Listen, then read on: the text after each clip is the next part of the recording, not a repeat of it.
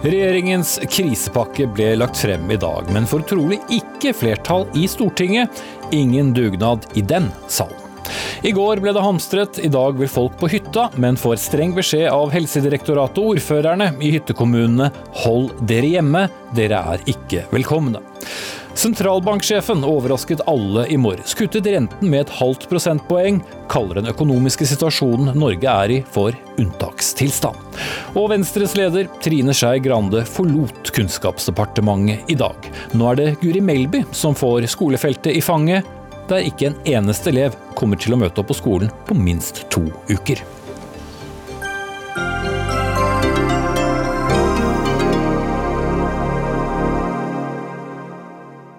Ja, Da ønsker vi velkommen til fredagens Dagsnytt 18. Jeg heter eh, Espen Aas. Så kom den, da. Regjeringens krisepakke til næringsliv. Tiltak som ifølge regjeringen skal hjelpe norske bedrifter og permitterte arbeidstakere med å holde hodet over vann mens koronaepidemien stormer som verst. Arbeidsgivere skal nå betale kun lønn for de to første av permitteringsdagene for permitterte ansatte. Ventedagene for dagpenger oppheves. Bedrifter med underskudd får utsette formuesskatt. Flypass flypassasjer- og lufthavnavgifter utgår i en periode, og kommuner med høye utgifter vil motta større støtte. Dette er iallfall noen av de viktigste tiltakene. Flere bransjer har uttalt at dette ikke er nok, og advarer om konkurser. Vi skal høre fra noen snart, men vi begynner da med deg, finansminister Jan Tore Sanner fra Høyre. Hvilke akutte problemer mener dere først og fremst denne pakken løser? Det løser det akutte problemet som en del bedrifter nå er i, hvor de har behov for å permittere sine ansatte for å få ned eh, kostnadene. Det vi nå har innført, er jo at eh, staten tar en større del av regningen. Eh, vi fjerner også de såkalte ventedagene, som, hadde, som innebærer at, at, de som blir permittert, får, får lønn ikke, eller godtgjørelse og ikke da mister alt. Og så eh, har vi innført endringer i skattereglene som gjør at eh, både selvstendig næringsdrivende og bedrifter kan få bedre likviditet eh, i en overgangsperiode. Og så må jeg få legge til at dette er bare de aller første tiltakene. I går ble det innført drastiske eh, tiltak for å begrense og stoppe smitten. Det er jo det aller viktigste tiltaket av alle. Eh, det gjorde at vi da innførte nå nye regler for selvstendige næringsdrivende, som gjør at de kan utsette innbetalingen av forskuddsskatten fra, eh, først, fra 15. mars til 1. mai. I tillegg så gjennomføres men, men bare for å stoppe deg på denne tingen, altså De skulle betalt da dette nå på, på søndag, og kan vente til, til 1. mai. Men de skal jo da betale en sum penger eh, i, etter en periode hvor veldig mange sannsynligvis ikke kommer til å tjene nesten noen ting. Hva hjelper det? Det hjelper i den perioden hvor selvstendig næringsdrivende nå ikke får inntekt. Eh, for det er, jo, det er, jo, den situasjonen som mange nå er i. Når de faktisk er nødt til å stenge ned, så har de ikke noe inntekt. og Da vil det også være galt om de da må betale skatt. Men de må jo betale den likevel i enden av den perioden hvor de blir, fortsatt ikke får noen inntekt? Den blir, blir nå i første omgang utsatt. og Det er jo fordi at Utviklingen nå endrer seg fra dag til dag og nesten time til time. Beslutningen om å stenge skoler og barnehager ble tatt i går. Eh, I dag tok jeg beslutningen om å utsette skatt for selvstendig næringsdrivende. Eh, og Det betyr at vi da også har nå noe tid for å tenke neste tiltaksfase. Så har også eh, da Finansdepartementet i dag besluttet å senke kapitalkravene til bankene. Det i seg selv bidrar til at bankene kan eh, ha mulighet for å låne ut mellom 500 og 600 milliarder kroner mer. Og dette er viktig, fordi at vi har eh, robuste banker i Norge. Og det er viktig at bedrifter som nå får en liten likviditetspause ved at vi nå har innført noen tiltak, har mulighet til å gå til, til banken og få eh, også lån, slik at vi kan trygge arbeidsplasser i denne perioden. Ok, Vi setter eh, en foreløpig liten pause på deg, Jan Tore Sander. Skal få inn noen flere fra panelet. Jeg begynner med Ole Mikael Bjørndal, som er næringspolitisk fagsjef i NHO Reiseliv, og med oss på linje. Dere sier i dag at eh, dette hjelper litt for reiselivsbedriftene, men langt fra nok. Hva var det du ikke fikk se i dag? Ehm, ja, altså De tiltakene som regjeringen kom med i dag, særlig permitteringskostnadene, vil jo hjelpe noe umiddelbart. og Jeg har lyst til å gi ros til Sanner, for det virker som om han har skjønt alvoret. Og vi vet også at det kommer mer, for vi regner med at det kommer mer. Mm. Men hva Men venter du på? Fikk, ja, Vi venter egentlig på at disse utsettelsene i skatter og avgifter også skal tilfalle reiselivet. Da tenker vi f.eks. særlig på merverdiavgift som kommer nå 10.4, første termin som skal betales. Den bør utsettes eller kuttes. Og så er det sånn at situasjonen i reiselivet, den alvorligheten som er nå, den kan egentlig ikke overdrives. Så eh, kriselån og krisepakker vil bli nødvendig i de, eh, i de månedene som kommer nå framover. Mm. Ja, gi meg et øyeblikksbilde gi meg et øyeblikksbilde av hvordan det er hos dere i dag. For jeg forstår at det er hektisk eh, virksomhet både med advokater og, og andre. Ja, altså for å si det sånn, så jeg, jeg, jeg har, sittet i karantene nå da, fordi jeg kom hjem fra Brussel og har ringt rundt i hele landet, og det er nattsvart. Det, det er stenger ned, det permitteres. Inntektene er fullstendig borte, og folk er dypt fortvila. Og det gjelder alle deler av bransjen. Hotell, restaurant, bilutleie, camping, opplevelser. Alt er eh, borte, rett og slett. Det er ikke noe etterspørsel. Og det er ingen som kan eh, leve med et bortfall av inntekter. Så det, det, som vi nå forventer fra regjeringen, er jo at man, man gjør noe med likviditeten til eh, bedriftene framover. For vi må ha et livskraftig reiseliv når denne katastrofen er, er over. Mm. Svar på det først, Sanne. Det er jeg helt enig i. Eh, og det er nettopp derfor både statsministeren og jeg har vært så tydelige på at eh, vi allerede er i gang med å forberede nye tiltak eh, som vi er klare til å iverksette raskt.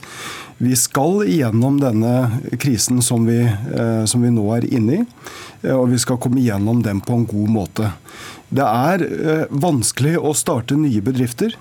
Eh, og mange av de som sliter i dag, har stått på gjennom mange år for å skape verdier og arbeidsplasser. og Det er derfor vi er så opptatt av at nå skal vi stille opp også fra statens side. Og Det vi nå vurderer i nye tiltak for fase to, det handler jo bl.a. Om, eh, om mulig utsetting av eh, arbeidsgiveravgift og noen andre, andre skatter. Men vi må være sikre på at, at, tiltakene er målrettede, at de er effektive og de må være midlertidige. Mm. Vi har flere andre studier studio. Per Slott Jensen, du er da selvstendig næringsdrivende akupunktør. Eh, hvordan har den situasjonen som nå har eh, rammet oss, denne økonomiske unntakstilstanden, om du vil eh, ramme deg direkte? Nei, Som akupunktør så er det jo klart vi er ikke offentlig helsepersonell. Vi har jo masse pasienter som vi er nødt til å avslutte. Vi har masse pasienter vi er nødt til å si nei til. Vi har kontinuerlig behandling som pågår, som vi ikke kan fullføre, som ikke vi kan gjøre noe med. Så inntektene stopper rett og slett Inntektene stopper totalt opp for, våre, våre, for akupunktørene. Vi representerer Akupunktørforeningen med 500 medlemmer. Mm. Men for din egen bedrift, altså, hva har du måttet eh, gjøre som følge av eh, endringene som kom i går? Jeg er jo så heldig at jeg er selvstendig næringsdrivende med et AS. Og Det lagde jeg for mange mange år siden. og Det er klart at det gjør at vi har mulighet til å ha en ikke sant? Permitteringsvarsel, unnskyld. Og Det gjør jo at situasjonen min og vår bedrift er jo ok, men det er jo ikke ok for alle de andre som har personlige selskap. Mm. De får, de får ingenting. Det er jo mange selskapsstrukturer. Hilde Louise Asbjørnsen, eh, du er jo da eh, artist. Du får ikke holdt en eneste konsert i overskuelig fremtid, for vi får ikke lov å, å, å samle oss. Så du blir eh, også stående på stedet hvil. I likhet med Jensen så har du et AS som gjør det litt lettere for deg. Men f.eks de musikerne som du ville hatt med deg på scenen, hva skjer med de? De eh, går for lut og kaldt vann. De har ingen inntekter på noen som helst slags måte. De har ikke noe sikkerhetsnett. Noen av dem har en tilleggsforsikring som ville dekka sykemelding og fødselspermisjon, som ikke gjelder nå. Uh, og i tillegg de få mulighetene som de hadde for et ansettelsesforhold uh, i Norge, var jo Den kulturelle skolesekken. Og den muligheten ble jo nå fjerna veldig nylig. Mm. Vi lar den ligge, men holder oss den akutte situasjonen. Ja.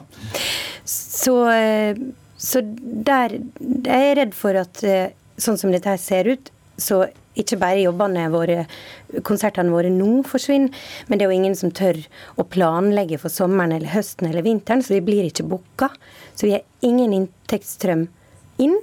Og eh, vi er redde for at veldig mange musikere vil forsvinne i Norge. Hva, hva sier de da om, om sin egen uh, situasjon? For det er ikke sånn at utgiftene deres uh, stopper? Nei, ikke, for ikke å snakke om huslåna. De forsvinner i hvert fall ikke. Um, det, jeg har snakka litt med forskjellige folk i dag, og det alle sammen sier, det er at vi ønsker oss muligheter til å motta dagpenger. Eh, ikke beregna på eh, lønnsinntekt, men på næringsinntekt. Eh, det vil kunne redde eh, situasjonen fra det uholdbare. Vi tar inn også Torbjørn Røe Isaksen, eh, som er med oss på linje fra Porsgrunn. Du er jo arbeids- og sosialminister. Det er mange måter å være ansatt på, og det er mange måter å jobbe på. og Særlig av de som ikke er, da driver et organisert Eller er, er ansatt i en, i en bedrift. Hva, hva, skal folk egentlig gjøre nå, i det inntektsgrunnlaget stanser fullstendig opp? Hvilke muligheter har de? Nei, det, det, er helt riktig som blir sagt i, i, studio her av de som du har med, at uh, de, som, de, som, er ansatt et sted, uh, eller da eier et AS og selv er ansatt i AS-et, de har vi inntektssikringsordninger for. Men de som rammes aller hardest av dette, det er de som er selvstendig næringsdrivende. En frisør f.eks., eller en enmannssnekkerbedrift eller en som er i kulturlivet. For de har vi i normale omstendigheter ikke noen inntektssikringer for. De får ikke dagpenger f.eks. Eh, og da er det to ting vi er nødt til å raskt eh, jobbe med når vi skal se på nye tiltak nå. Det ene er hvordan sikrer vi at bedrifter som man har bygd opp, ikke går konk når kundene blir borte, eller man ikke får lov til å ha frisørkunder eller opptre. Og det andre er om vi trenger noen ekstraordinære tiltak for en del av de som ikke er omfattet av de vanlige reglene våre. Mm. Og Det er det Asbjørnsen ber om her. Ja, og det, Poenget er at dette er jo en helt, dette er en helt ekstraordinær situasjon. Eh, så, så, De vanlige systemene våre som fanger opp eh, folk til vanlig, de vil ikke nødvendigvis treffe alle eller være riktige eller tilstrekkelige i denne situasjonen. og Det er derfor regjeringa jobber på spreng med dette. Mm. Ja, Ta inn deg og Sander, for de faller litt eh, mellom begge deler. Men i første omgang så skulle jo også veldig mange av disse frilanserne igjen da også betalt denne forskuddsskatten nå på søndag. De får den utsettelsen. Men så er det jo alle disse andre utgiftene. Så hvilke muligheter eh, har de egentlig? Det er jo nettopp det Torbjørn Røe Isaksen har, har, pekt på, at vi jobber nå på, på høygir. Vi ser at situasjonen endrer seg fra, fra, dag til dag. og Det betyr at det kommer nye problemstillinger på, på bordet. og vi og jobber, løsninger. Ja, og, og, det er nettopp det som er poenget, at vi jobber med løsninger. Eh, de som trodde at, at, det som kom i dag skulle være den endelige store pakken, eh, sånn er det ikke. Eh, vi er inne i en situasjon som vil kreve mange nye tiltak. Mm. Men de må kanskje komme fort hvis eh, inntektsgrunnlaget nå er null? Nettopp, og Det er også grunnen til at, eh, at, jeg har sagt at vi er beredt til å komme med, med nye til, eh, tiltak raskt. Og vi har allerede jobbet med det eh, noen dager. Så det betyr at vi ser nå på ulike løsninger, men vi må også se sammenhengen i dem. Slik at vi sørger for trygghet for de som eh, Eh, som er eh, ansatt, og de som nå sliter med sine inntekter. Og selvfølgelig også for, for bedriftene, for vi skal komme gjennom dette på en god måte. Mm -hmm. Det er vel en ganske målstemt eh, stemning, rett og slett? Ja, det er veldig mange som er fortvila om dagen. For vi ser ikke noe løsning på det. Så vi kan ikke gjøre noe med dette her. Mange snakker om at å, vi kan holde konsert starta på Facebook direkte og sjekke om folk vil betale en 50-lapp, men det på en måte, det, det redder ikke mm. Så ingen av de er beroliget før eh, det ligger et nytt forslag? Der er det ingen forslag. som er beroliget før vi før vi får noe på bordet. Og jeg håper at dere tenker på de mjuke trafikantene eh, først nå. Fordi eh, større bedrifter har, eh, som du sier, muligheter til å skaffe seg likviditet gjennom banker og lån, mens vi har ingen av de mulighetene. Og, og vi sitter med barn og huslån. Det er ganske akutt. Og, og, og Jensen, dere kan jo Jeg skal komme til straks, straks uh, Røe Isaksen. Men Jensen, du kan jo permittere deg selv, og dermed få i hvert fall 66 er det vel? Uh, 62,5 63 ja, av, av lønna i en viss periode. Men du har også dine løpende utgifter til næringslokaler. og det er jo sånn at de løpende utgiftene til næringslokaler det er det jo ingen som dekker. I min situasjon så går det en stund før vi har en viss likviditet i bedriften. Men for alle de andre medlemmene i forbundet, de har ingen likviditet på den måten. Eller de har kanskje likviditet, men allikevel så er det slik at de løpende utgiftene til, til, lokaler, til utstyr og alt, det er ting som skal betales. Og det er klart at vi kan jo ikke bero på gårdeiers eh, gode vilje for å kunne fortsette et halvt år til. Så dette går en stund, og så er det slutt. Og det er jo klart, når det er slutt med lokalene, så er det slutt på pasientene. Vi har ingen sted å behandle de. Røe Isaksen, du vil inn eh, på tampen her. Ja, jeg skulle bare si, Apropos dette med myke trafikanter. Eh, så er det i, en situasjon vi er, som vi er i nå, så er det veldig mange myke trafikanter. Eh, og det er sånn at Nesten alle i det norske samfunnet, eller alle blir påvirket, og veldig mange blir rammet. Mange får det vanskeligere og tøffere. og Dette skjer også i hele verden rundt oss nå. Eh, og Da skal vi fra regjeringas side gjøre det vi kan. Først og fremst helse og ta vare på de som er mest sårbare blant oss, som er mest utsatt for viruset. Men også for å adressere håndtere alle de spørsmålene som kommer opp. Men vi får ikke gjort alt på én gang. Men i dag kom det en start, og så kommer det mer mm. videre. Sette en uh, strek der. Det hjelper uh, ellers kanskje all verden, men mange tar jo også til orde for at uh, folk ikke nødvendigvis trenger å be om refusjon for billetter kjøpt til kulturarrangementer som ikke blir noe av. Da sier vi takk til Hilde Luse Asbjørnsen, som er artist, Per Slott Jensen, som er selvstendig næringsdrivende akupunktør, og også takk til Ole Mikael Bjørndal, eh, næringspolitisk fagsjef i NHO Reiseliv.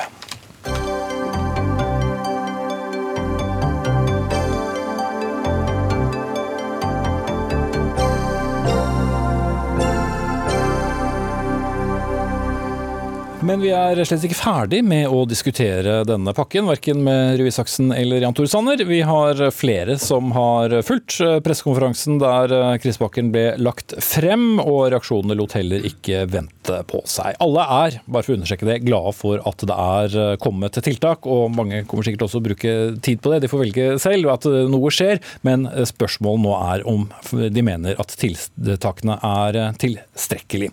Og Jonas Gahr Støre begynner med deg, leder i. Arbeiderpartiet. Hva er din raske vurdering av det som er lagt frem i dag? Jeg kan gjøre noe det med at det var bra det kom en pakke. Og det er flere ting i denne pakken som jeg mener er klokt. Det gis støtte til helsevesenet, til kommunene, og flere av grepene kan vi bygge på. Men la meg ta kritikken først. Eh, her blir arbeidsfolk sittende igjen med for stor regning. Dette er et solidaritetsprosjekt. Vi skal stille opp for de som er syke, stille opp for helsepersonell. Men det som gjøres på permitteringsregelverket er bra for bedriftene. Det er ikke bra for de som jobber der. Mange foreldre hjemme med barn de får omsorgs, øh, ikke får omsorgspenger utover øh, visst antall dager. Det må det gjøre noe med. de er, de er sårbare. Ikke alle kan jobbe hjemmefra heller. Og for det tredje så mener jeg at selv om det kommer flere bølger nå av tiltak, så må det gjøres mer. Altså Hvis vi tar luftfarten, ta et eksempel her. Jeg hørte, fikk sitert et helikopterselskap som har to millioner på bok, 20 millioner utstående utgifter i løpet av et par uker. Det går ikke. Da kan sunne selskaper gå over ende. Og det som ble sagt med kulturlivet, tror jeg er et illustrasjon på hva selvstendig næringsdrivende opplever. Vi skal ha et kulturliv når vi kommer ut av denne krisen. Eh, og andre land har stilt opp med pakker for kulturlivet for å avlaste dem. Eh, slike grep må vi ta veldig fort. Og så tror jeg at eh, utsatte næringer og bedrifter må få større anledning til å få det tyskerne kaller ubegrensede lån. Altså ikke få penger, men de må få tilgang til likviditet. Det er jo pengestrømmen det handler om her. Mm. Så gjelder disse tingene du snakket om litt forskjellige statsråder her. Noe går under Sanner, og når det gjelder de som var hjemme med barn osv., de går under Røe Isaksen. Men vi kan jo begynne med deg, Sanner. Jeg er eh, glad for at eh, Støre understreker at eh, de tiltakene som har kommet, er en god start. Og jeg er enig i at det vi har kommet med i dag, det er ikke nok. Det kommer mer, og det er nødt til å komme mer. Men det var viktig for oss at vi nå fikk på plass disse tiltakene raskt. Og så skal vi jobbe videre, videre med, med, de andre. Så er Støre inne på et veldig viktig poeng, og det er at, er at Unnskyld det er at bedriftene må ha tilgang til, til lån. Eh, I dag tok jeg beslutningen om å sette ned den såkalte motsykliske bufferen for bankene. Det innebærer at bankene kan låne ut uh, mellom 500 og 600 milliarder kroner mer. Uh, og Dette er et viktig tiltak. Dette er også gjort i, gjort i andre land. Mm. Vi, har robuste, ja, vi har robuste banker i Norge, og det gjør at, uh, at, bedrifter og bankene nå har større mulighet til å finne løsninger. Men vi er også beredt til å komme med nye tiltak, både for å trygge jobbene til folk og for å trygge bedriftene. Mm. Og så vil jeg bare ta den andre biten med deg, Røe Saksen, stadig med oss fra, fra Porsgrunn. For det er veldig mange arbeidstakere som nå lurer på hva de nye reglene egentlig har å si for dem. Staten betaler altså uh, fra dag tre, men Utgangspunktet er ansatte må regne med at inntektene nå går ned når de er uh, hjemme eller er, er permittert. Ja, altså Det er helt riktig. og Det ligger i permitteringsordningen at eh, etter, etter, en periode så går man da over på det som er dagpengesats, 62,4% av lønna, og så er det en grense oppad der også. Eh, og så er det viktig for meg å si at punkt én, eh, her er det i en sånn situasjon vi er i nå, så er det viktig at vi mobiliserer noe av det som er bra med norsk politikk, som kanskje ikke folk flest alltid oppfatter det som når vi sitter i studio og diskuterer. Men vi, vi kan snakke sammen, vi kan finne løsninger sammen. Eh, vi skal selvfølgelig også snakke med Stortinget og diskutere med Stortinget om disse tingene. Og så er det sånn at vi har også forsøkt til Støre først, Røe. Ja, men Kunne ikke jeg få si ferdig resonnementet mitt først? For, skulle... for Det pleier å være så lange resonnementer fra dere politikere alltid. Ja, men jeg kan si det, skal si det veldig kort. da. Vi har forsøkt å ta hensyn til arbeidslivet arbeidstakerne, bl.a. gjennom å kutte disse tre arbeidsdagene, eh, ventedagene, før man, får, eh, før man får, sånn at man ikke blir gående uten noe. Det er annerledes enn det f.eks. var i 2009 under finanskrisen. Punkt to, når det gjelder omsorgsdager, så har både statsministeren og jeg sagt at eh, det er åpenbart at omsorgsdagene, som man da som en siste mulighet vil kunne ha hvis man ikke kan jobbe hjemme eller finne, passe på barna på andre måter, det er åpenbart at de dagene går fort, og at vi raskt må vurdere om antallet omsorgsdager skal utvides. Mm, der kan dere. Ok, Støre. Jeg er helt trygg på Torbjørn Isaksen, at uh, du skal se det beste av norsk politikk nå. Uh, finanskomiteen er samlet i dag. Vi skal jobbe, vi skal finne løsninger. Uh, men det betyr jo ikke det at det er en blåkopi av alt det dere foreslår. Og det du gjør i dette innlegget Nei, det sa jeg heller ikke. Nei, men da har jeg behov for å si til deg at det du gjør i dette innlegget, er at du er god til å beskrive problemene, men det er ganske mange temaer du ikke svarer på. Og dette med permitteringsregelverket, å gi arbeidsfolk kompensasjon i de dagene hvor bedriften får lettelser,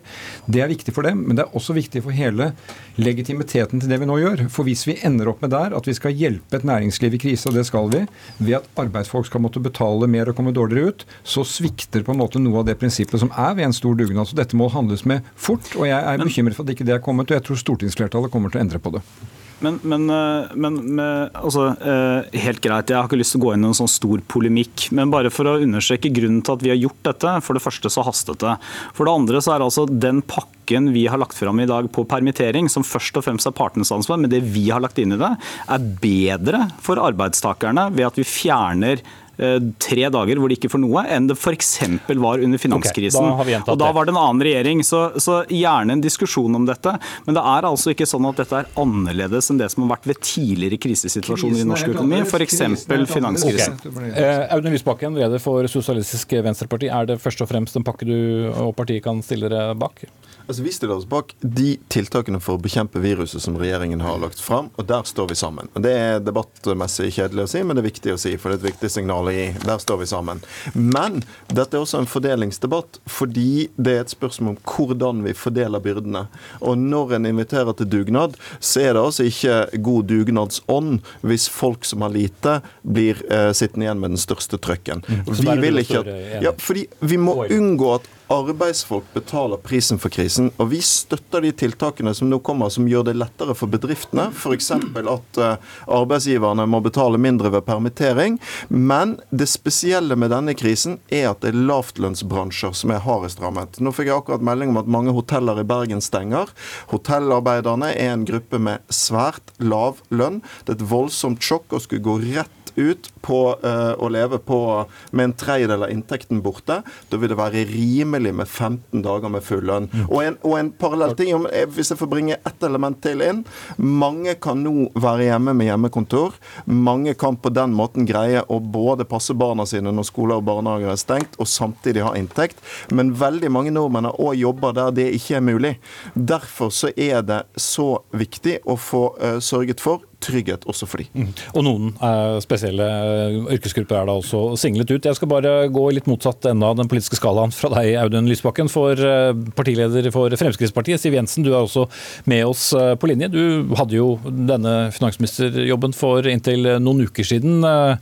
Ville du gjort det samme som Sanner? Jeg syns regjeringen har kommet med mange bra tiltak i dag som vi støtter, men dette er ikke nok. Eh, det er bra at regjeringen jobber med flere ting, men de må komme med det nå. Eh, og siden regjeringen ikke har klart det selv, så skal Stortinget prøve å gjøre det i løpet av de neste få dagene.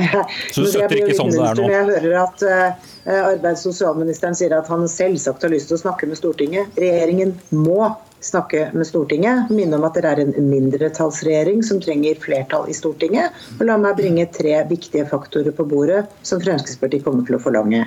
Det ene er at vi må gjøre ytterligere forbedringer i permitteringsreglene, fordi det dere har lagt frem i dag, skaper usikkerhet. Okay. Videre så må vi få klargjort problemstillingen rundt omsorgslønn, fordi enda flere sitter nå og lurer på hva betyr det for meg når jeg er, sitter i karantene eller er hjemme med barna mine som ikke lenger får lov å gå på skole. Det må vi rydde opp i. Så mener jeg at skattereglene som regjeringen har lagt frem i dag, i beste fall har symbolsk verdi. Her er vi nødt til å ta større grep både i forhold til arbeidsgiveravgiften og formuesskatten. og Vi kan gjøre det nå, og ikke vente på at regjeringen slipper bena etter seg. Og Det tredje vi må gjøre, er å få på plass bedre sikring for selvstendig næringsdrivende. Det er tusenvis av de i dette landet. De kan ikke vente på at regjeringen sitter og grubler. Vi må levere svar på det nå. Ok, Da skal du få svaret, Sanner. Vi eh, ønsker et eh, godt samarbeid med alle partiene i, eh, i Stortinget. Hadde håpet på en bedre mottakelse enn det du har fått? Jeg er glad for at alle partier uttrykker at de tiltakene som har kommet er viktige, og så ønsker man mer. Ja, det kommer mer. Dette var de første tiltakene som måtte på plass raskt. Og vi har allerede jobbet nå noen dager med de tiltak som skal komme i neste fase. Og vi er beredt til å komme med de når de er klare, og det vil ikke ta veldig lang tid. Så er, det, så er jeg også enig med, med Siv Jensen at man må se også på andre avgifter, om det, kan, eh, om det kan utsettes for betaling. Det vi nå bl.a. ser på, det er arbeidsgiveravgiften, om man kan utsette betalingen av den, og vi ser også på noen andre muligheter. Men igjen så er poenget at vi må ha tiltak som treffer. Det må være tiltak som virker, og de må være midlertidige. Og dette handler om å trygge folks jobber. Det, er det, det er alle tiltakene vi nå jobber med, det handler om å trygge folks jobber og sørge for at vi har også et sterkt næringsliv når vi kommer igjennom denne krisen. Og Apropos trygge, nå sitter, et litt øyeblikk, Siv Jensen, nå sitter jo mange og hører på at det er en viss eh, uenighet, og da spør vel kanskje mange seg, da, f.eks. Siv Jensen, om dere nå i opposisjonen har tenkt å slå mer politisk mynt på dette enn å støtte tiltak som trengs raskt? Nei, vi skal støtte alle tiltak som trengs raskt, men vi skal forsterke de. Så regjeringen kan være trygg på at de får gjennom alt det som det er enighet om, men vi må gjøre enda litt mer. Eh, og jeg hører jo at finansministeren nå bruker veldig mye honnørord. Det er ingen som er uenige om at vi må skape trygghet, at vi må sikre folk for eh, inntektssvikt. At vi må passe på at ikke bedrifter går konkurs. Okay. Men nettopp derfor så er det ingen som har tid til å vente på at regjeringen har delt dette inn i faser. Mm. Vi Men, må levere nå, før det er for seint. Og jo mer vi klarer å gjøre nå, jo mer unngår vi at den regningen blir veldig stor okay. eh, hvis for mange bedrifter går konkurs og for mange mennesker mister jobben. Lysbakken, så Røe Isaksen, så Støre. Det ville være dypt uansvarlig hvis ikke vi diskuterte hvordan vi fordeler byrdene ved denne situasjonen. Og Da mener jeg det er vår oppgave å nå reise de interessene som ikke er godt nok ivaretatt i det regjeringen har lagt fram. Sånn jeg nevnte de som nå uh, må være hjemme med barn, men som ikke har muligheten til å ha hjemmekontor. Da trenger vi å utvide ordningen med sykt barn-dager. Hvis du dobler den fra 10 til 20 dager, så vil du skape trygghet for mange av de. Vi trenger å sørge for at dagpenger, sykt barn-dager, uh, blir tilgjengelig også for frisørene vi har snakket om her, for uh, kulturarbeiderne, de selvstendig næringsdrivende. Den typen forbedringer. I tillegg til det med dagpengene som jeg sa i sted. Og, og, her hører vi jo at både Arbeiderpartiet, SV og Fremskrittspartiet sier en del av det samme. Så det ser jo ut til at det er et reelt flertall i Stortinget for en mer sosial innretning på dette. Og vi er i hvert fall beredt til å å bruke et sånt flertall og jobbe for det. Og Finanskomiteen skal jobbe gjennom eh, helgen. Eh, Torbjørn Risaksen, det høres ja, ut som bare for, for, de som sitter og hører på nå, så er det altså sånn at det er ingen tvil om hva som er regelverket nå på omsorgsdager. Hvis du må være hjemme med barna dine, ikke kan ha hjemmekontorer, finne andre løsninger, så har du rett på omsorgsdager og omsorgspenger. Og så er det også en viktig del av det vi leverte til Stortinget i dag. Det er at vi ber om en hjemmel til å kunne utvide antallet omsorgsdager. Eh, og det er fordi at eh, I den situasjonen vi er i nå, så trenger vi en hjemmel som gjør at vi kan gjøre det nettopp raskt. Mm. At vi ikke da hver gang må gå til Stortinget eller ha prosesser. Så den hjemmelen også, sånn at vi raskt kan gå, eh, kaste oss rundt, raskt kan utvide antallet dager, er også viktig at Stortinget får gjennom. Og en del av det som, som også er viktig nå, er selvfølgelig at vi får dette raskt gjennom i Stortinget, sånn at permitteringsreglene f.eks. kan tre i kraft. og Det vet jeg at Stortinget også er opptatt av. Større. Det tror jeg du skal finne et veldig samarbeidsvillig storting på og sørge for at hjemler og formaliteter er i orden. Det ordner vi. Men noe av det som ligger her, er jo behovet for å gjøre mye tidlig for å få mindre smerter senere. Jeg tror Det er, altså det kommer til å gå milliarder her som Finansdepartementet kommer til å passe nøye på, og det er i og for seg bra. Men hvis vi ikke handler resolutt nå, så blir jo disse kostnadene mye større på den andre siden. Og Derfor er dette med permitteringsregelverket altså jeg, jeg tror bare Røe Isaksen skal merke seg at denne krisen er forskjellig fra finanskrisen, den er forskjellig fra oljekrisen i 2014-2015, for den rammer hele økonomien. Og det vi skal gjøre med det, er jo inn i en stor solidaritetsaksjon som også handler om helse. Og for hele den aksjonen så er det viktig at ikke en gruppe blir sittende igjen og sier at vi fikk den trøkken. Og Derfor er det veldig klokt for regjeringen nå å gå tilbake og bare forberede seg på, jeg tror det, at det er flertall i Stortinget for å få utvidet den perioden hvor de får full lønn i permittering, og at vi får gjort noe på bakgrunn av en hjemmel kanskje, men få gjort noe med at omsorgslønnen for de som er hjemme, blir eh, full i ti dager til. Ja, noen klare marsjordre her, høres ut som eh, Jan Tore Sanner. Men Støre nevnte alle milliardene. Har vi i hele tatt noe slags oversikt om eh, hva slags kostnader som staten får med de tiltakene som vi nå bare må sette i gang straks? Vi må være forberedt på at det blir en stor regning.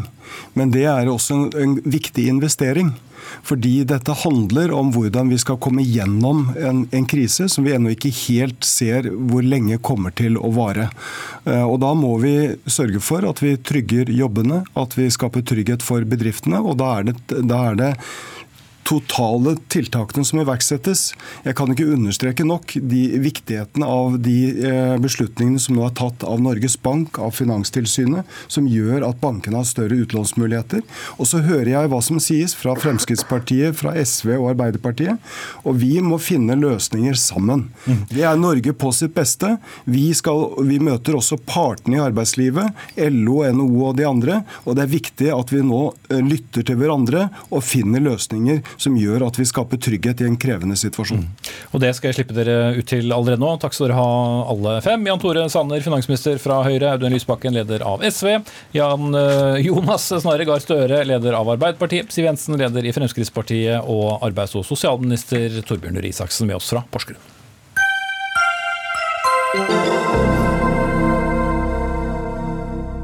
Vi kaster oss over eh, neste post på programmet. Vi ikke dra på hytta. Ja, det var den klare beskjeden fra helsemyndighetene i dag.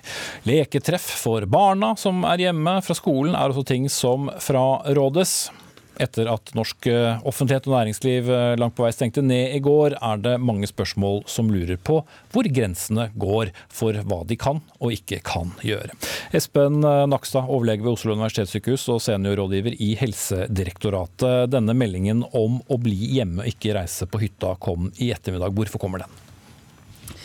Den kommer fordi det vil bli sånn hvis mange reiser på hytta, at fastlegen og ikke minst smittevernlegen eh, da i typiske hyttekommuner kan få mye å gjøre. Og Det knytter seg jo ikke til at det er farlig å være på hytta. Du har jo god avstand til andre hytter, og du er ute i, i ja, For umiddelbart høres det jo som en god idé. Tømme byene Det høres veldig fornuftig ut, men eh, du skal inn i den samme butikken som alle andre. Eh, og stoppe på den samme bensinstasjonen. Det er det ene. Og da kan det, hvis noen blir syke, bli en voldsom jobb for kommunen å drive smitteoppsporing. Og det andre er at hvis du blir sjuk, så har vi et presset helsevesen nå, eh, hvor det er karanteneregler og mange andre problemer. Og ethvert sykdomstilfelle med koronavirus som må fraktes ned fra fjellet, det vil være en utfordring. Så Det er liksom de to hovedgrunnene. Så folk eh, må være forberedt på å være i sin helseregion. Skal du bli syk, så må du bli syk på postadressen din. Det er den klare anbefalingen som kom i dag. Mm. En som uh, har kjent dette på kroppen, det er deg, Pål Terje Rørby. Du er ordfører i Hemsedal fra Senterpartiet, og har vært uh, en av de som uh, har vært veldig bekymret for å få mange på besøk på, på hyttene. Ja, hei. Det, det, er helt riktig. Det har vært eh, en krevende situasjon for oss nå i eh, flere dager, egentlig. Um, vi ser jo det at den lille kommunen vår med ca. 2500 innbyggere kan jo nå over 25 000 i helgene. Og vi ser det at eh, flere nå turister, selv om vi nå har stengt ned både skisenteret, har stengt ned restauranter og næringslivet vårt for å prøve å bedre situasjonen, så strømmer det flere og flere nordmenn oppover til hyttene og fritidsenhetene. Og det er veldig krevende for oss å kunne håndtere hvis det skulle slå ut for fullt dette her. Mm. Men hva har du fysisk gjort for å, å stanse de som eh, er på vei eller har ankommet for den saks skyld? For jeg har skjønt at det, det er kommet en del biler? Har kommet mange biler. Og vi eh, har jo faktisk da ikke stelt oss i veien med gule vester og spurt om folk kan eh, snu. Vi tror det hadde hatt lite effekt sånn sett. Det vi derimot har gjort, er at vi har jobba hardt i dag for å gå ut i media, som dette bl.a. er et resultat av, for å prøve å appellere til at folk bruker huet, blir hjemme og tenker på hvilken beredskapssituasjon de kan sette oss i om man skulle komme så langt at man stenger kommunegrenser og eh, folk ikke kan reise hjem. Mhm. Føler du at eh, du får forståelse for eh, budskapet til de mange som vil rømme byen og, og, og reise på hytta? De aller fleste tror jeg har sympati med det, men vi får dessverre også en del uhyggelige meldinger. Vi ser folk eh, står nærmest og skryter i butikken av at de er her på karantene. Vi får meldinger om at vi må sette inn vakthold på Vinmonopolet, for man prøver å komme inn og få kjøpt de varene man trenger, selv om vi prøver å sette en begrensning i antall mennesker. Så det er ikke alle som klarer å oppføre seg, og det, det er trist. Vi er veldig glad i gjestene våre og ønsker alle velkommen, men ikke på denne måten, og ikke nå. Mm. Margrethe Greve Isdal, du er overlege ved Folkehelseinstituttet. Hvor stor bekymring gir det dere at befolkningen da flytter seg eh, geografisk? Altså, nå er det satt i gang veldig sterke tiltak for nettopp å begrense smittespredningen i Norge. og Da er det jo viktig at folk holder seg på det stedet der hvor de bor. At ikke de flytter seg til andre steder hvor de kanskje tar med seg smitte fra eh, der hvor de kom fra. Og Da kan kommuner som f.eks. Hemsedal oppleve at de eh, får store utfordringer eh, som ikke de har en størrelse til å håndtere. Mm. Og så hører vi i dag meldinger bl.a. om Alstahaug kommune i Nordland går ut med krav om karantene for personer som har da kommet fra de to mest folkerike regionene i Norge, nemlig Viken og Oslo. Er det grunnlag for sånne tiltak? Altså, jeg tenker at Vi først og fremst skal gå ut med det rådet om at folk skal holde seg på den adressen de er, og så slipper man å lage sånne regler. Mm. Eh, men hvis vi tar en liten fot eh, i bakken eh, nå, Nakstad, og vi hører da om flere som legges inn. 22 pasienter er lagt inn, fire er i respirator i Helse Sør-Øst. Hvordan er situasjonen ut fra det du vet på våre intensivavdelinger? Det jeg kan si per i dag, det er at uh, vi har som du nevner, et antall innlagte pasienter. Uh, jeg fikk siste tall fra Ullevål sykehus, det var fem innlagte nå. Ingen av de er på intensivavdeling, men det er noen andre. Uh, dette er små tall i den store sammenheng. Vi har over 10 000 somatiske sengeplasser i Norge. Vi har totalt 800 intermediære og intensivplasser. så så det er ikke noe stor belastning akkurat nå. Men det kommer på en tid hvor man skal bygge opp kapasitet, forberede personell og på en måte planlegge en mulig større trykk. Selv om det ikke er sikkert at det blir en pandemi, så er det det man jobber ut fra. Og da, I det perspektivet så er det klart at dette kan man se på dels som eh, forberedelser og, og, på en måte litt god trening til noe som kan bli verre. Men på den annen side så er det allerede en utfordring det med også de karanteneproblemene vi har i sykehusene. Ja. Jeg spør deg om det, Grevisdal, for der er det en litt eh, forvirring eh, i dag, også ut fra litt forskjellige meldinger. Men hvem skal være i karantene eller isolasjon? Vi meldte jo her i Dagsnytt også i går, da, da, dette kom, at eh, hvis du har vært ute og, og, reist utenfor Norden i løpet av de siste 14 dagene, så må du i eh, karantene og holde deg hjemme. Men hva med de andre i husstanden? Hvordan skal de forholde seg? Karantene gjelder altså kun for de som har vært ute og reist.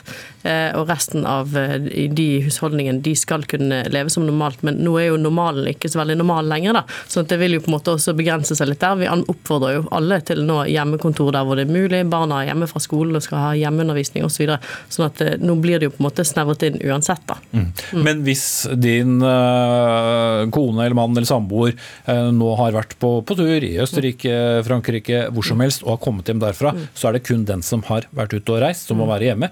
Ektefeller kan reise på jobb som normalt, men ja. må jo åpenbart eh, følge ja. de andre reglene som gjelder. Da, da er de, eh, de skal være årvåkne på symptomer. Så idet du på en måte føler at det kanskje er noe på gang, så hold deg for all del hjemme. Og bli hjemme til du er helt frisk, og gjerne et par dager ekstra.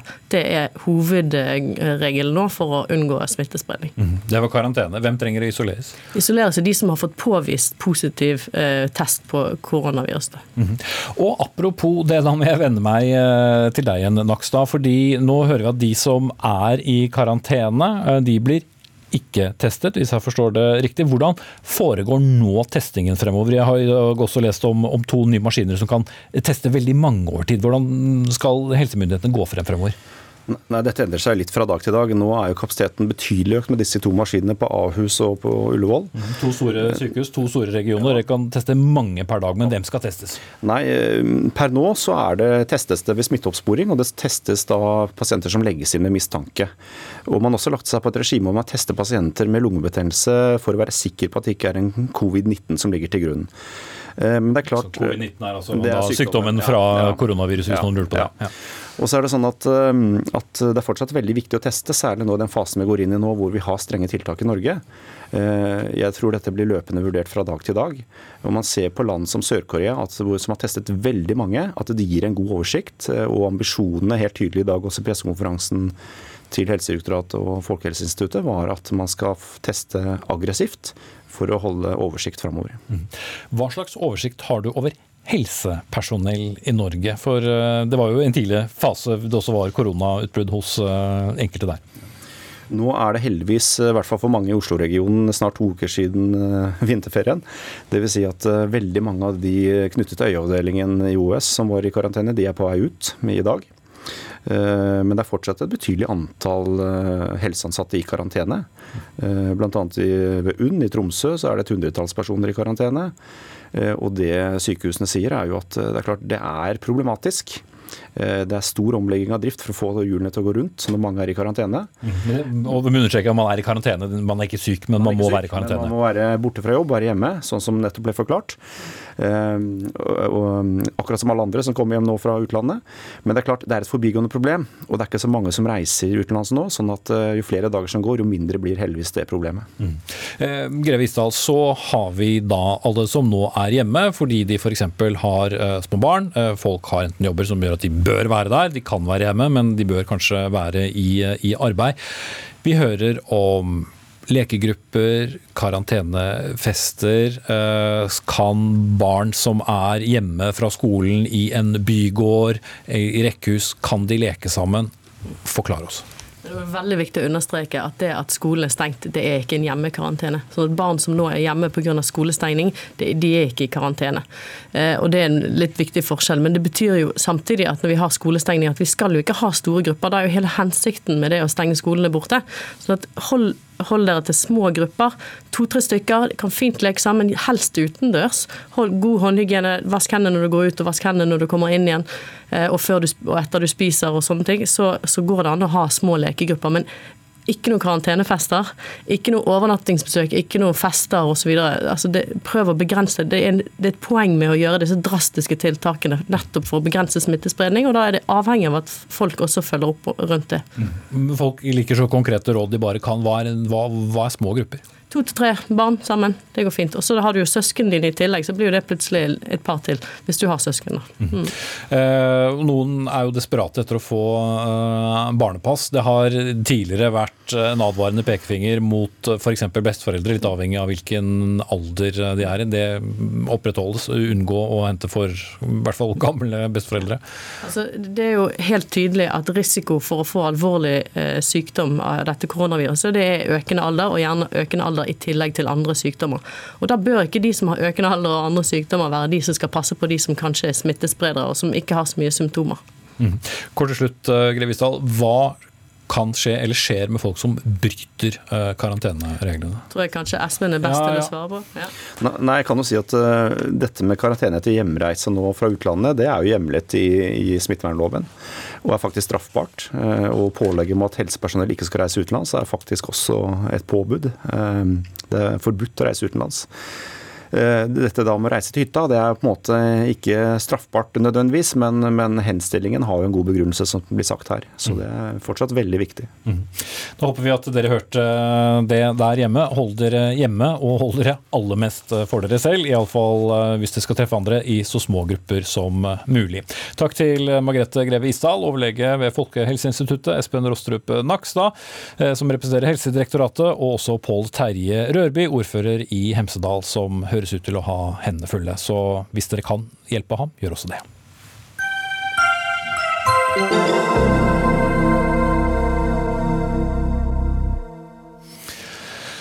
Uvanlige tider gir også uvanlige tiltak. I morges kom nemlig nyheten om at eh, Norges Bank gjorde noe sentralbanken eh, knapt gjør. Justerte renten mellom to rentemøter.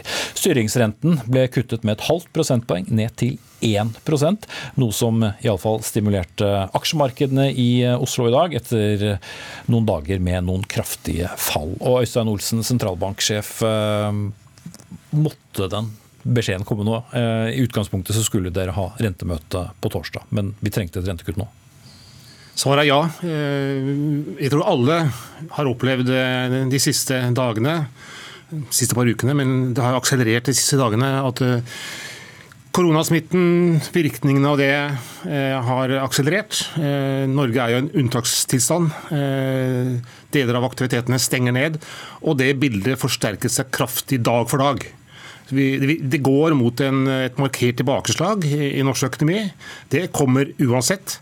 Men i den situasjonen var det viktig og riktig, mente vi, å ikke vente nesten en uke med å komme med det vi oppfatter som, eh, som, som nødvendige og, og, og, riktige tiltak.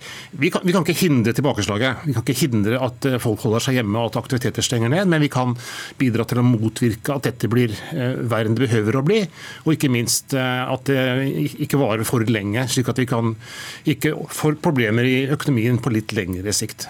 Nei, altså Mange frykter at vi skal gå inn en periode med resesjon, altså flere perioder med økonomisk tilbakegang, noe vi jo ikke er vant til i, i, eh, i norsk økonomi. Men litt av din jobb er jo å være eh, bekymret. Eh, og ved å senke en allerede lav rente med et halvt prosentpoeng til, hva er det du først og fremst ønsker å oppnå?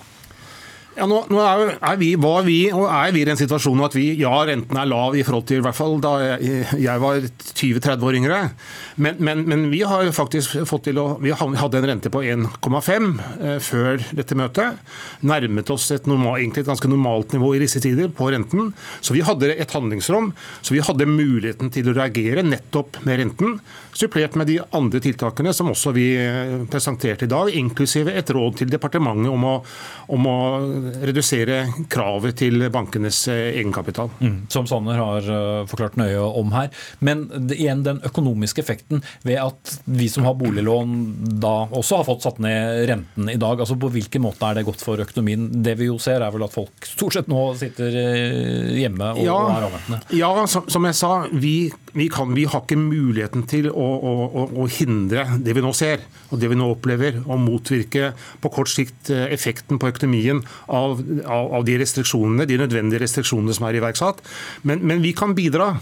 Eh, folk kommer til å bruke mindre penger i, i, i, år. Det anslår vi nå, og det tror jeg er en ganske god prognose, enn en, en vi tidligere så for oss.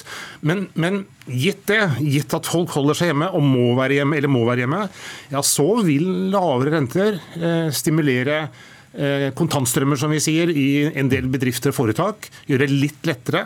Eh, og, og tilsvarende for husholdninger som har gjeld. Husholdninger som da er hjemme, eller som alle er rammet av dette. Mm. Ja, de, eh, de, får bedre råd og, og, vil kunne på marginen bruke noe av dette, slik at de motvirker noe av den nedgangen som kommer. Du har i lang tid vært bekymret for den høye belåningen som vi har rundt omkring i landet, i en periode nå med permitteringer kanskje blir det oppsigelser, folk skal leve på en langt lavere lønn enn de har. Bør vi frykte for boligmarkedet? Altså Boligmarkedet, Bekymringene våre lenge har vært at inntil ganske nylig så, så, så var jo bekymringen veldig sterk eh, gjeldsvekst. Husholdningene drevet av eh, veldig sterk oppgang i boligprisene. Nå er det, nå er det en ny situasjon. Nå er jo frykten en, at, at det tilbakeslaget vi ser ikke blir for kraftig. Om det vi gjør nå med litt lavere rente, som for noen år siden var liksom feil medisin, eller som hadde en negativ side, om det skulle bidra til at boligmarkedet holder seg litt mer oppe enn ellers, så er det en ønsket effekt. Mm. Ok, Da sier vi takk til deg, sentralbanksjef eh, Øystein Olsen. Så skal vi snakke litt mer om eh, den økonomiske situasjonen som landet er eh, inne i, og ikke minst også effekten av disse tiltakene. Både sentralbanksjefens overraskende rentekutt i morges, men også tiltakspakken fra Finansdepartementet og regjeringen, som vi har diskutert her. Elisabeth Holvik, sjeføkonom i Sparebank1 Markets. Hvis du ser nå på summen av det Jan Tore Sanner har snakket om, og for så vidt Torbjørn Risaksen, og også Øystein Olsen. Kan vi senke skuldrene? Ja, Nå har vi jo også fått litt hjelp av eh, USA. Eh, kraftige tiltak der fra sentralbanken. Og ikke minst så har jo Europa kommet på banen med store finanspolitiske tiltak i løpet av dagen. Så i sum så er jo dette en god hjelp. Eh, men jeg tror nok at både Norges Bank og regjeringa vil måtte gjøre mer. Men de er på god vei. Mm. Eh, Cecilie Lange Becker, økonomikommentator her i NRK. Vi har satt i gang noe som ikke vi aner eh, prislappen på, eh, for det første. Men enda skumlere kanskje, vi aner jo selvfølgelig ikke på perioden eller utgangen av dette. Hvor oppsiktsvekkende tiltak er det vi egentlig ser nå, som kommer på, på løpende bånd? Ja, Dette rentekuttet som du nevnte i dag, det, ja, vi, vi, var flere som ikke var helt forberedt på at det skulle komme i dag, i hvert fall. Den, det med kutt i den motsykliske kapitalbufferen, det var Elisabeth tidlig med ute i dag morges allerede før det kom. så Det var ganske forventet blant analytikerne. Og Så kom denne pakken i dag til næringslivet. Den er på til sammen 6,5 milliarder. Det er jo langt mindre enn de tapene næringslivet nå står overfor. Så eh, bl.a. NHO mener mener jo at bedriftene må bære en mye større byrde enn det de tåler. Og det er også mange som etterlyser en større, en bredere pakke for å løfte hele norsk økonomi. Eh, Sanner sa jo i dag at dette blir verre før det blir bedre. Og hvorfor må vi da vente til det blir verre før vi iverksetter de liksom virkelig store tiltakene? Mm. Ja, vi har snakket om dette motsykliske mange ganger i dag, eh, Holvik. Men det at eh, bankene da lemper litt på kravene, i et lengre perspektiv, kan ikke det i seg selv også være bekymringsfullt? Fordi bankene skal jo helst være sikre som ja, banken. Ja, Men det hjelper ikke samfunnet hvis bankene er helt sikre, for da gjør ikke de jobben sin med å ta risiko. Og vi står oppe i en krevende situasjon med å omstille norsk næringsliv. Vi trenger andre arbeidsplasser enn de som er knytta til olje og offentlig sektor eller eh, mediebransjen.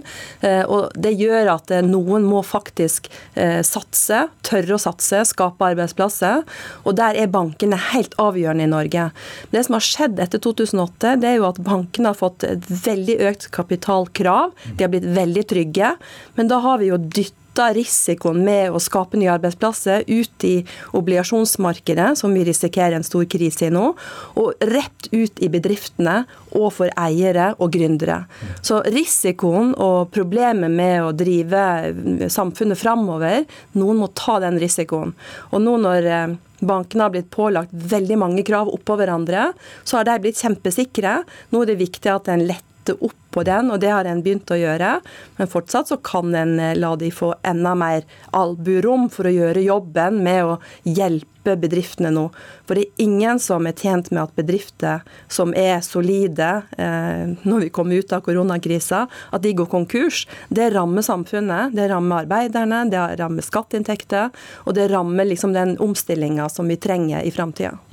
Men Lange Becker, jeg forsøkte meg litt med sentralbanksjefen her, men nettopp det poenget med permittering. Altså, veldig mange kommer til å få mindre å rutte med. Eh, grunn til å regne med at eh, det kanskje ikke blir fullt på boligvisninger en eh, god stund fremover. Nå har lånene folk blitt noe lavere. Men hva kan skje med boligmarkedet hvis færre er i jobb og boligene ikke øker i verdi og lånene er like høye? Nei, det er jo, jeg tror eiendomsbransjen, eller jeg vet at mange i eiendomsbransjen opplever dette som veldig dramatisk. Eh, dette er ikke tiden for å rulle ut store prosjekter med, med nybygg, med annonseringer. Dette er ikke tiden der hvor mange vil prioritere å investere i noe nytt, eller bytte opp i boligmarkedet. Så mm, på den positive siden får man vel kanskje si, så hvis man har en fast og trygg jobb og ikke rammes av dette her, så kan det være, hvis man får et fall i boligmarkedet, en mulighet mulighet for unge å komme inn på, på boligmarkedet. Så Det er kanskje den ene positive tingen man kan kanskje si. Mm. Vi må runde her. Nå kommer det nyheter fra, fra VG om at uh, frontfagoppgjøret nå blir utsatt uh, til høsten, og de andre lønnsoppgjørene følger etter. Men det er kanskje riktig prioritert hva vi skal bruke tid på? Alle må nok bidra i denne dugnaden. Uh, vi som enkeltpersoner, bedriftene, bankene og arbeidspartene i arbeidslivet. Dette er en stor dugnad, og vi trenger et levedyktig næringsliv etter denne vi har fått kontroll på smitten. Mm. Når enn det måtte bli. Takk til Elisabeth Holvik, sjeføkonom i Sparebank1 Markets, og Cecilie Lange Becker, økonomikommentator her i NRK.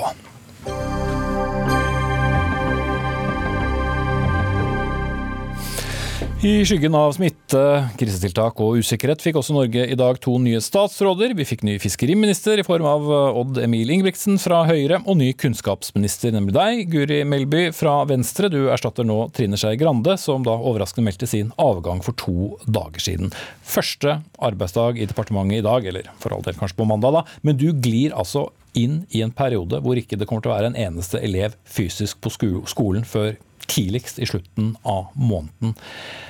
Hva slags situasjonsbeskrivelse vil du si har, du har, vi har av nå eh, av norsk eh, skole? Vi har jo digitale undervisningsplattformer som må virke og ikke virke, og ja, det er mye usikkerhet. Ja, det er mye usikkerhet. Det er en ekstraordinær situasjon. Og det er klart at det er ekstra krevende å komme inn som ny i en sånn situasjon.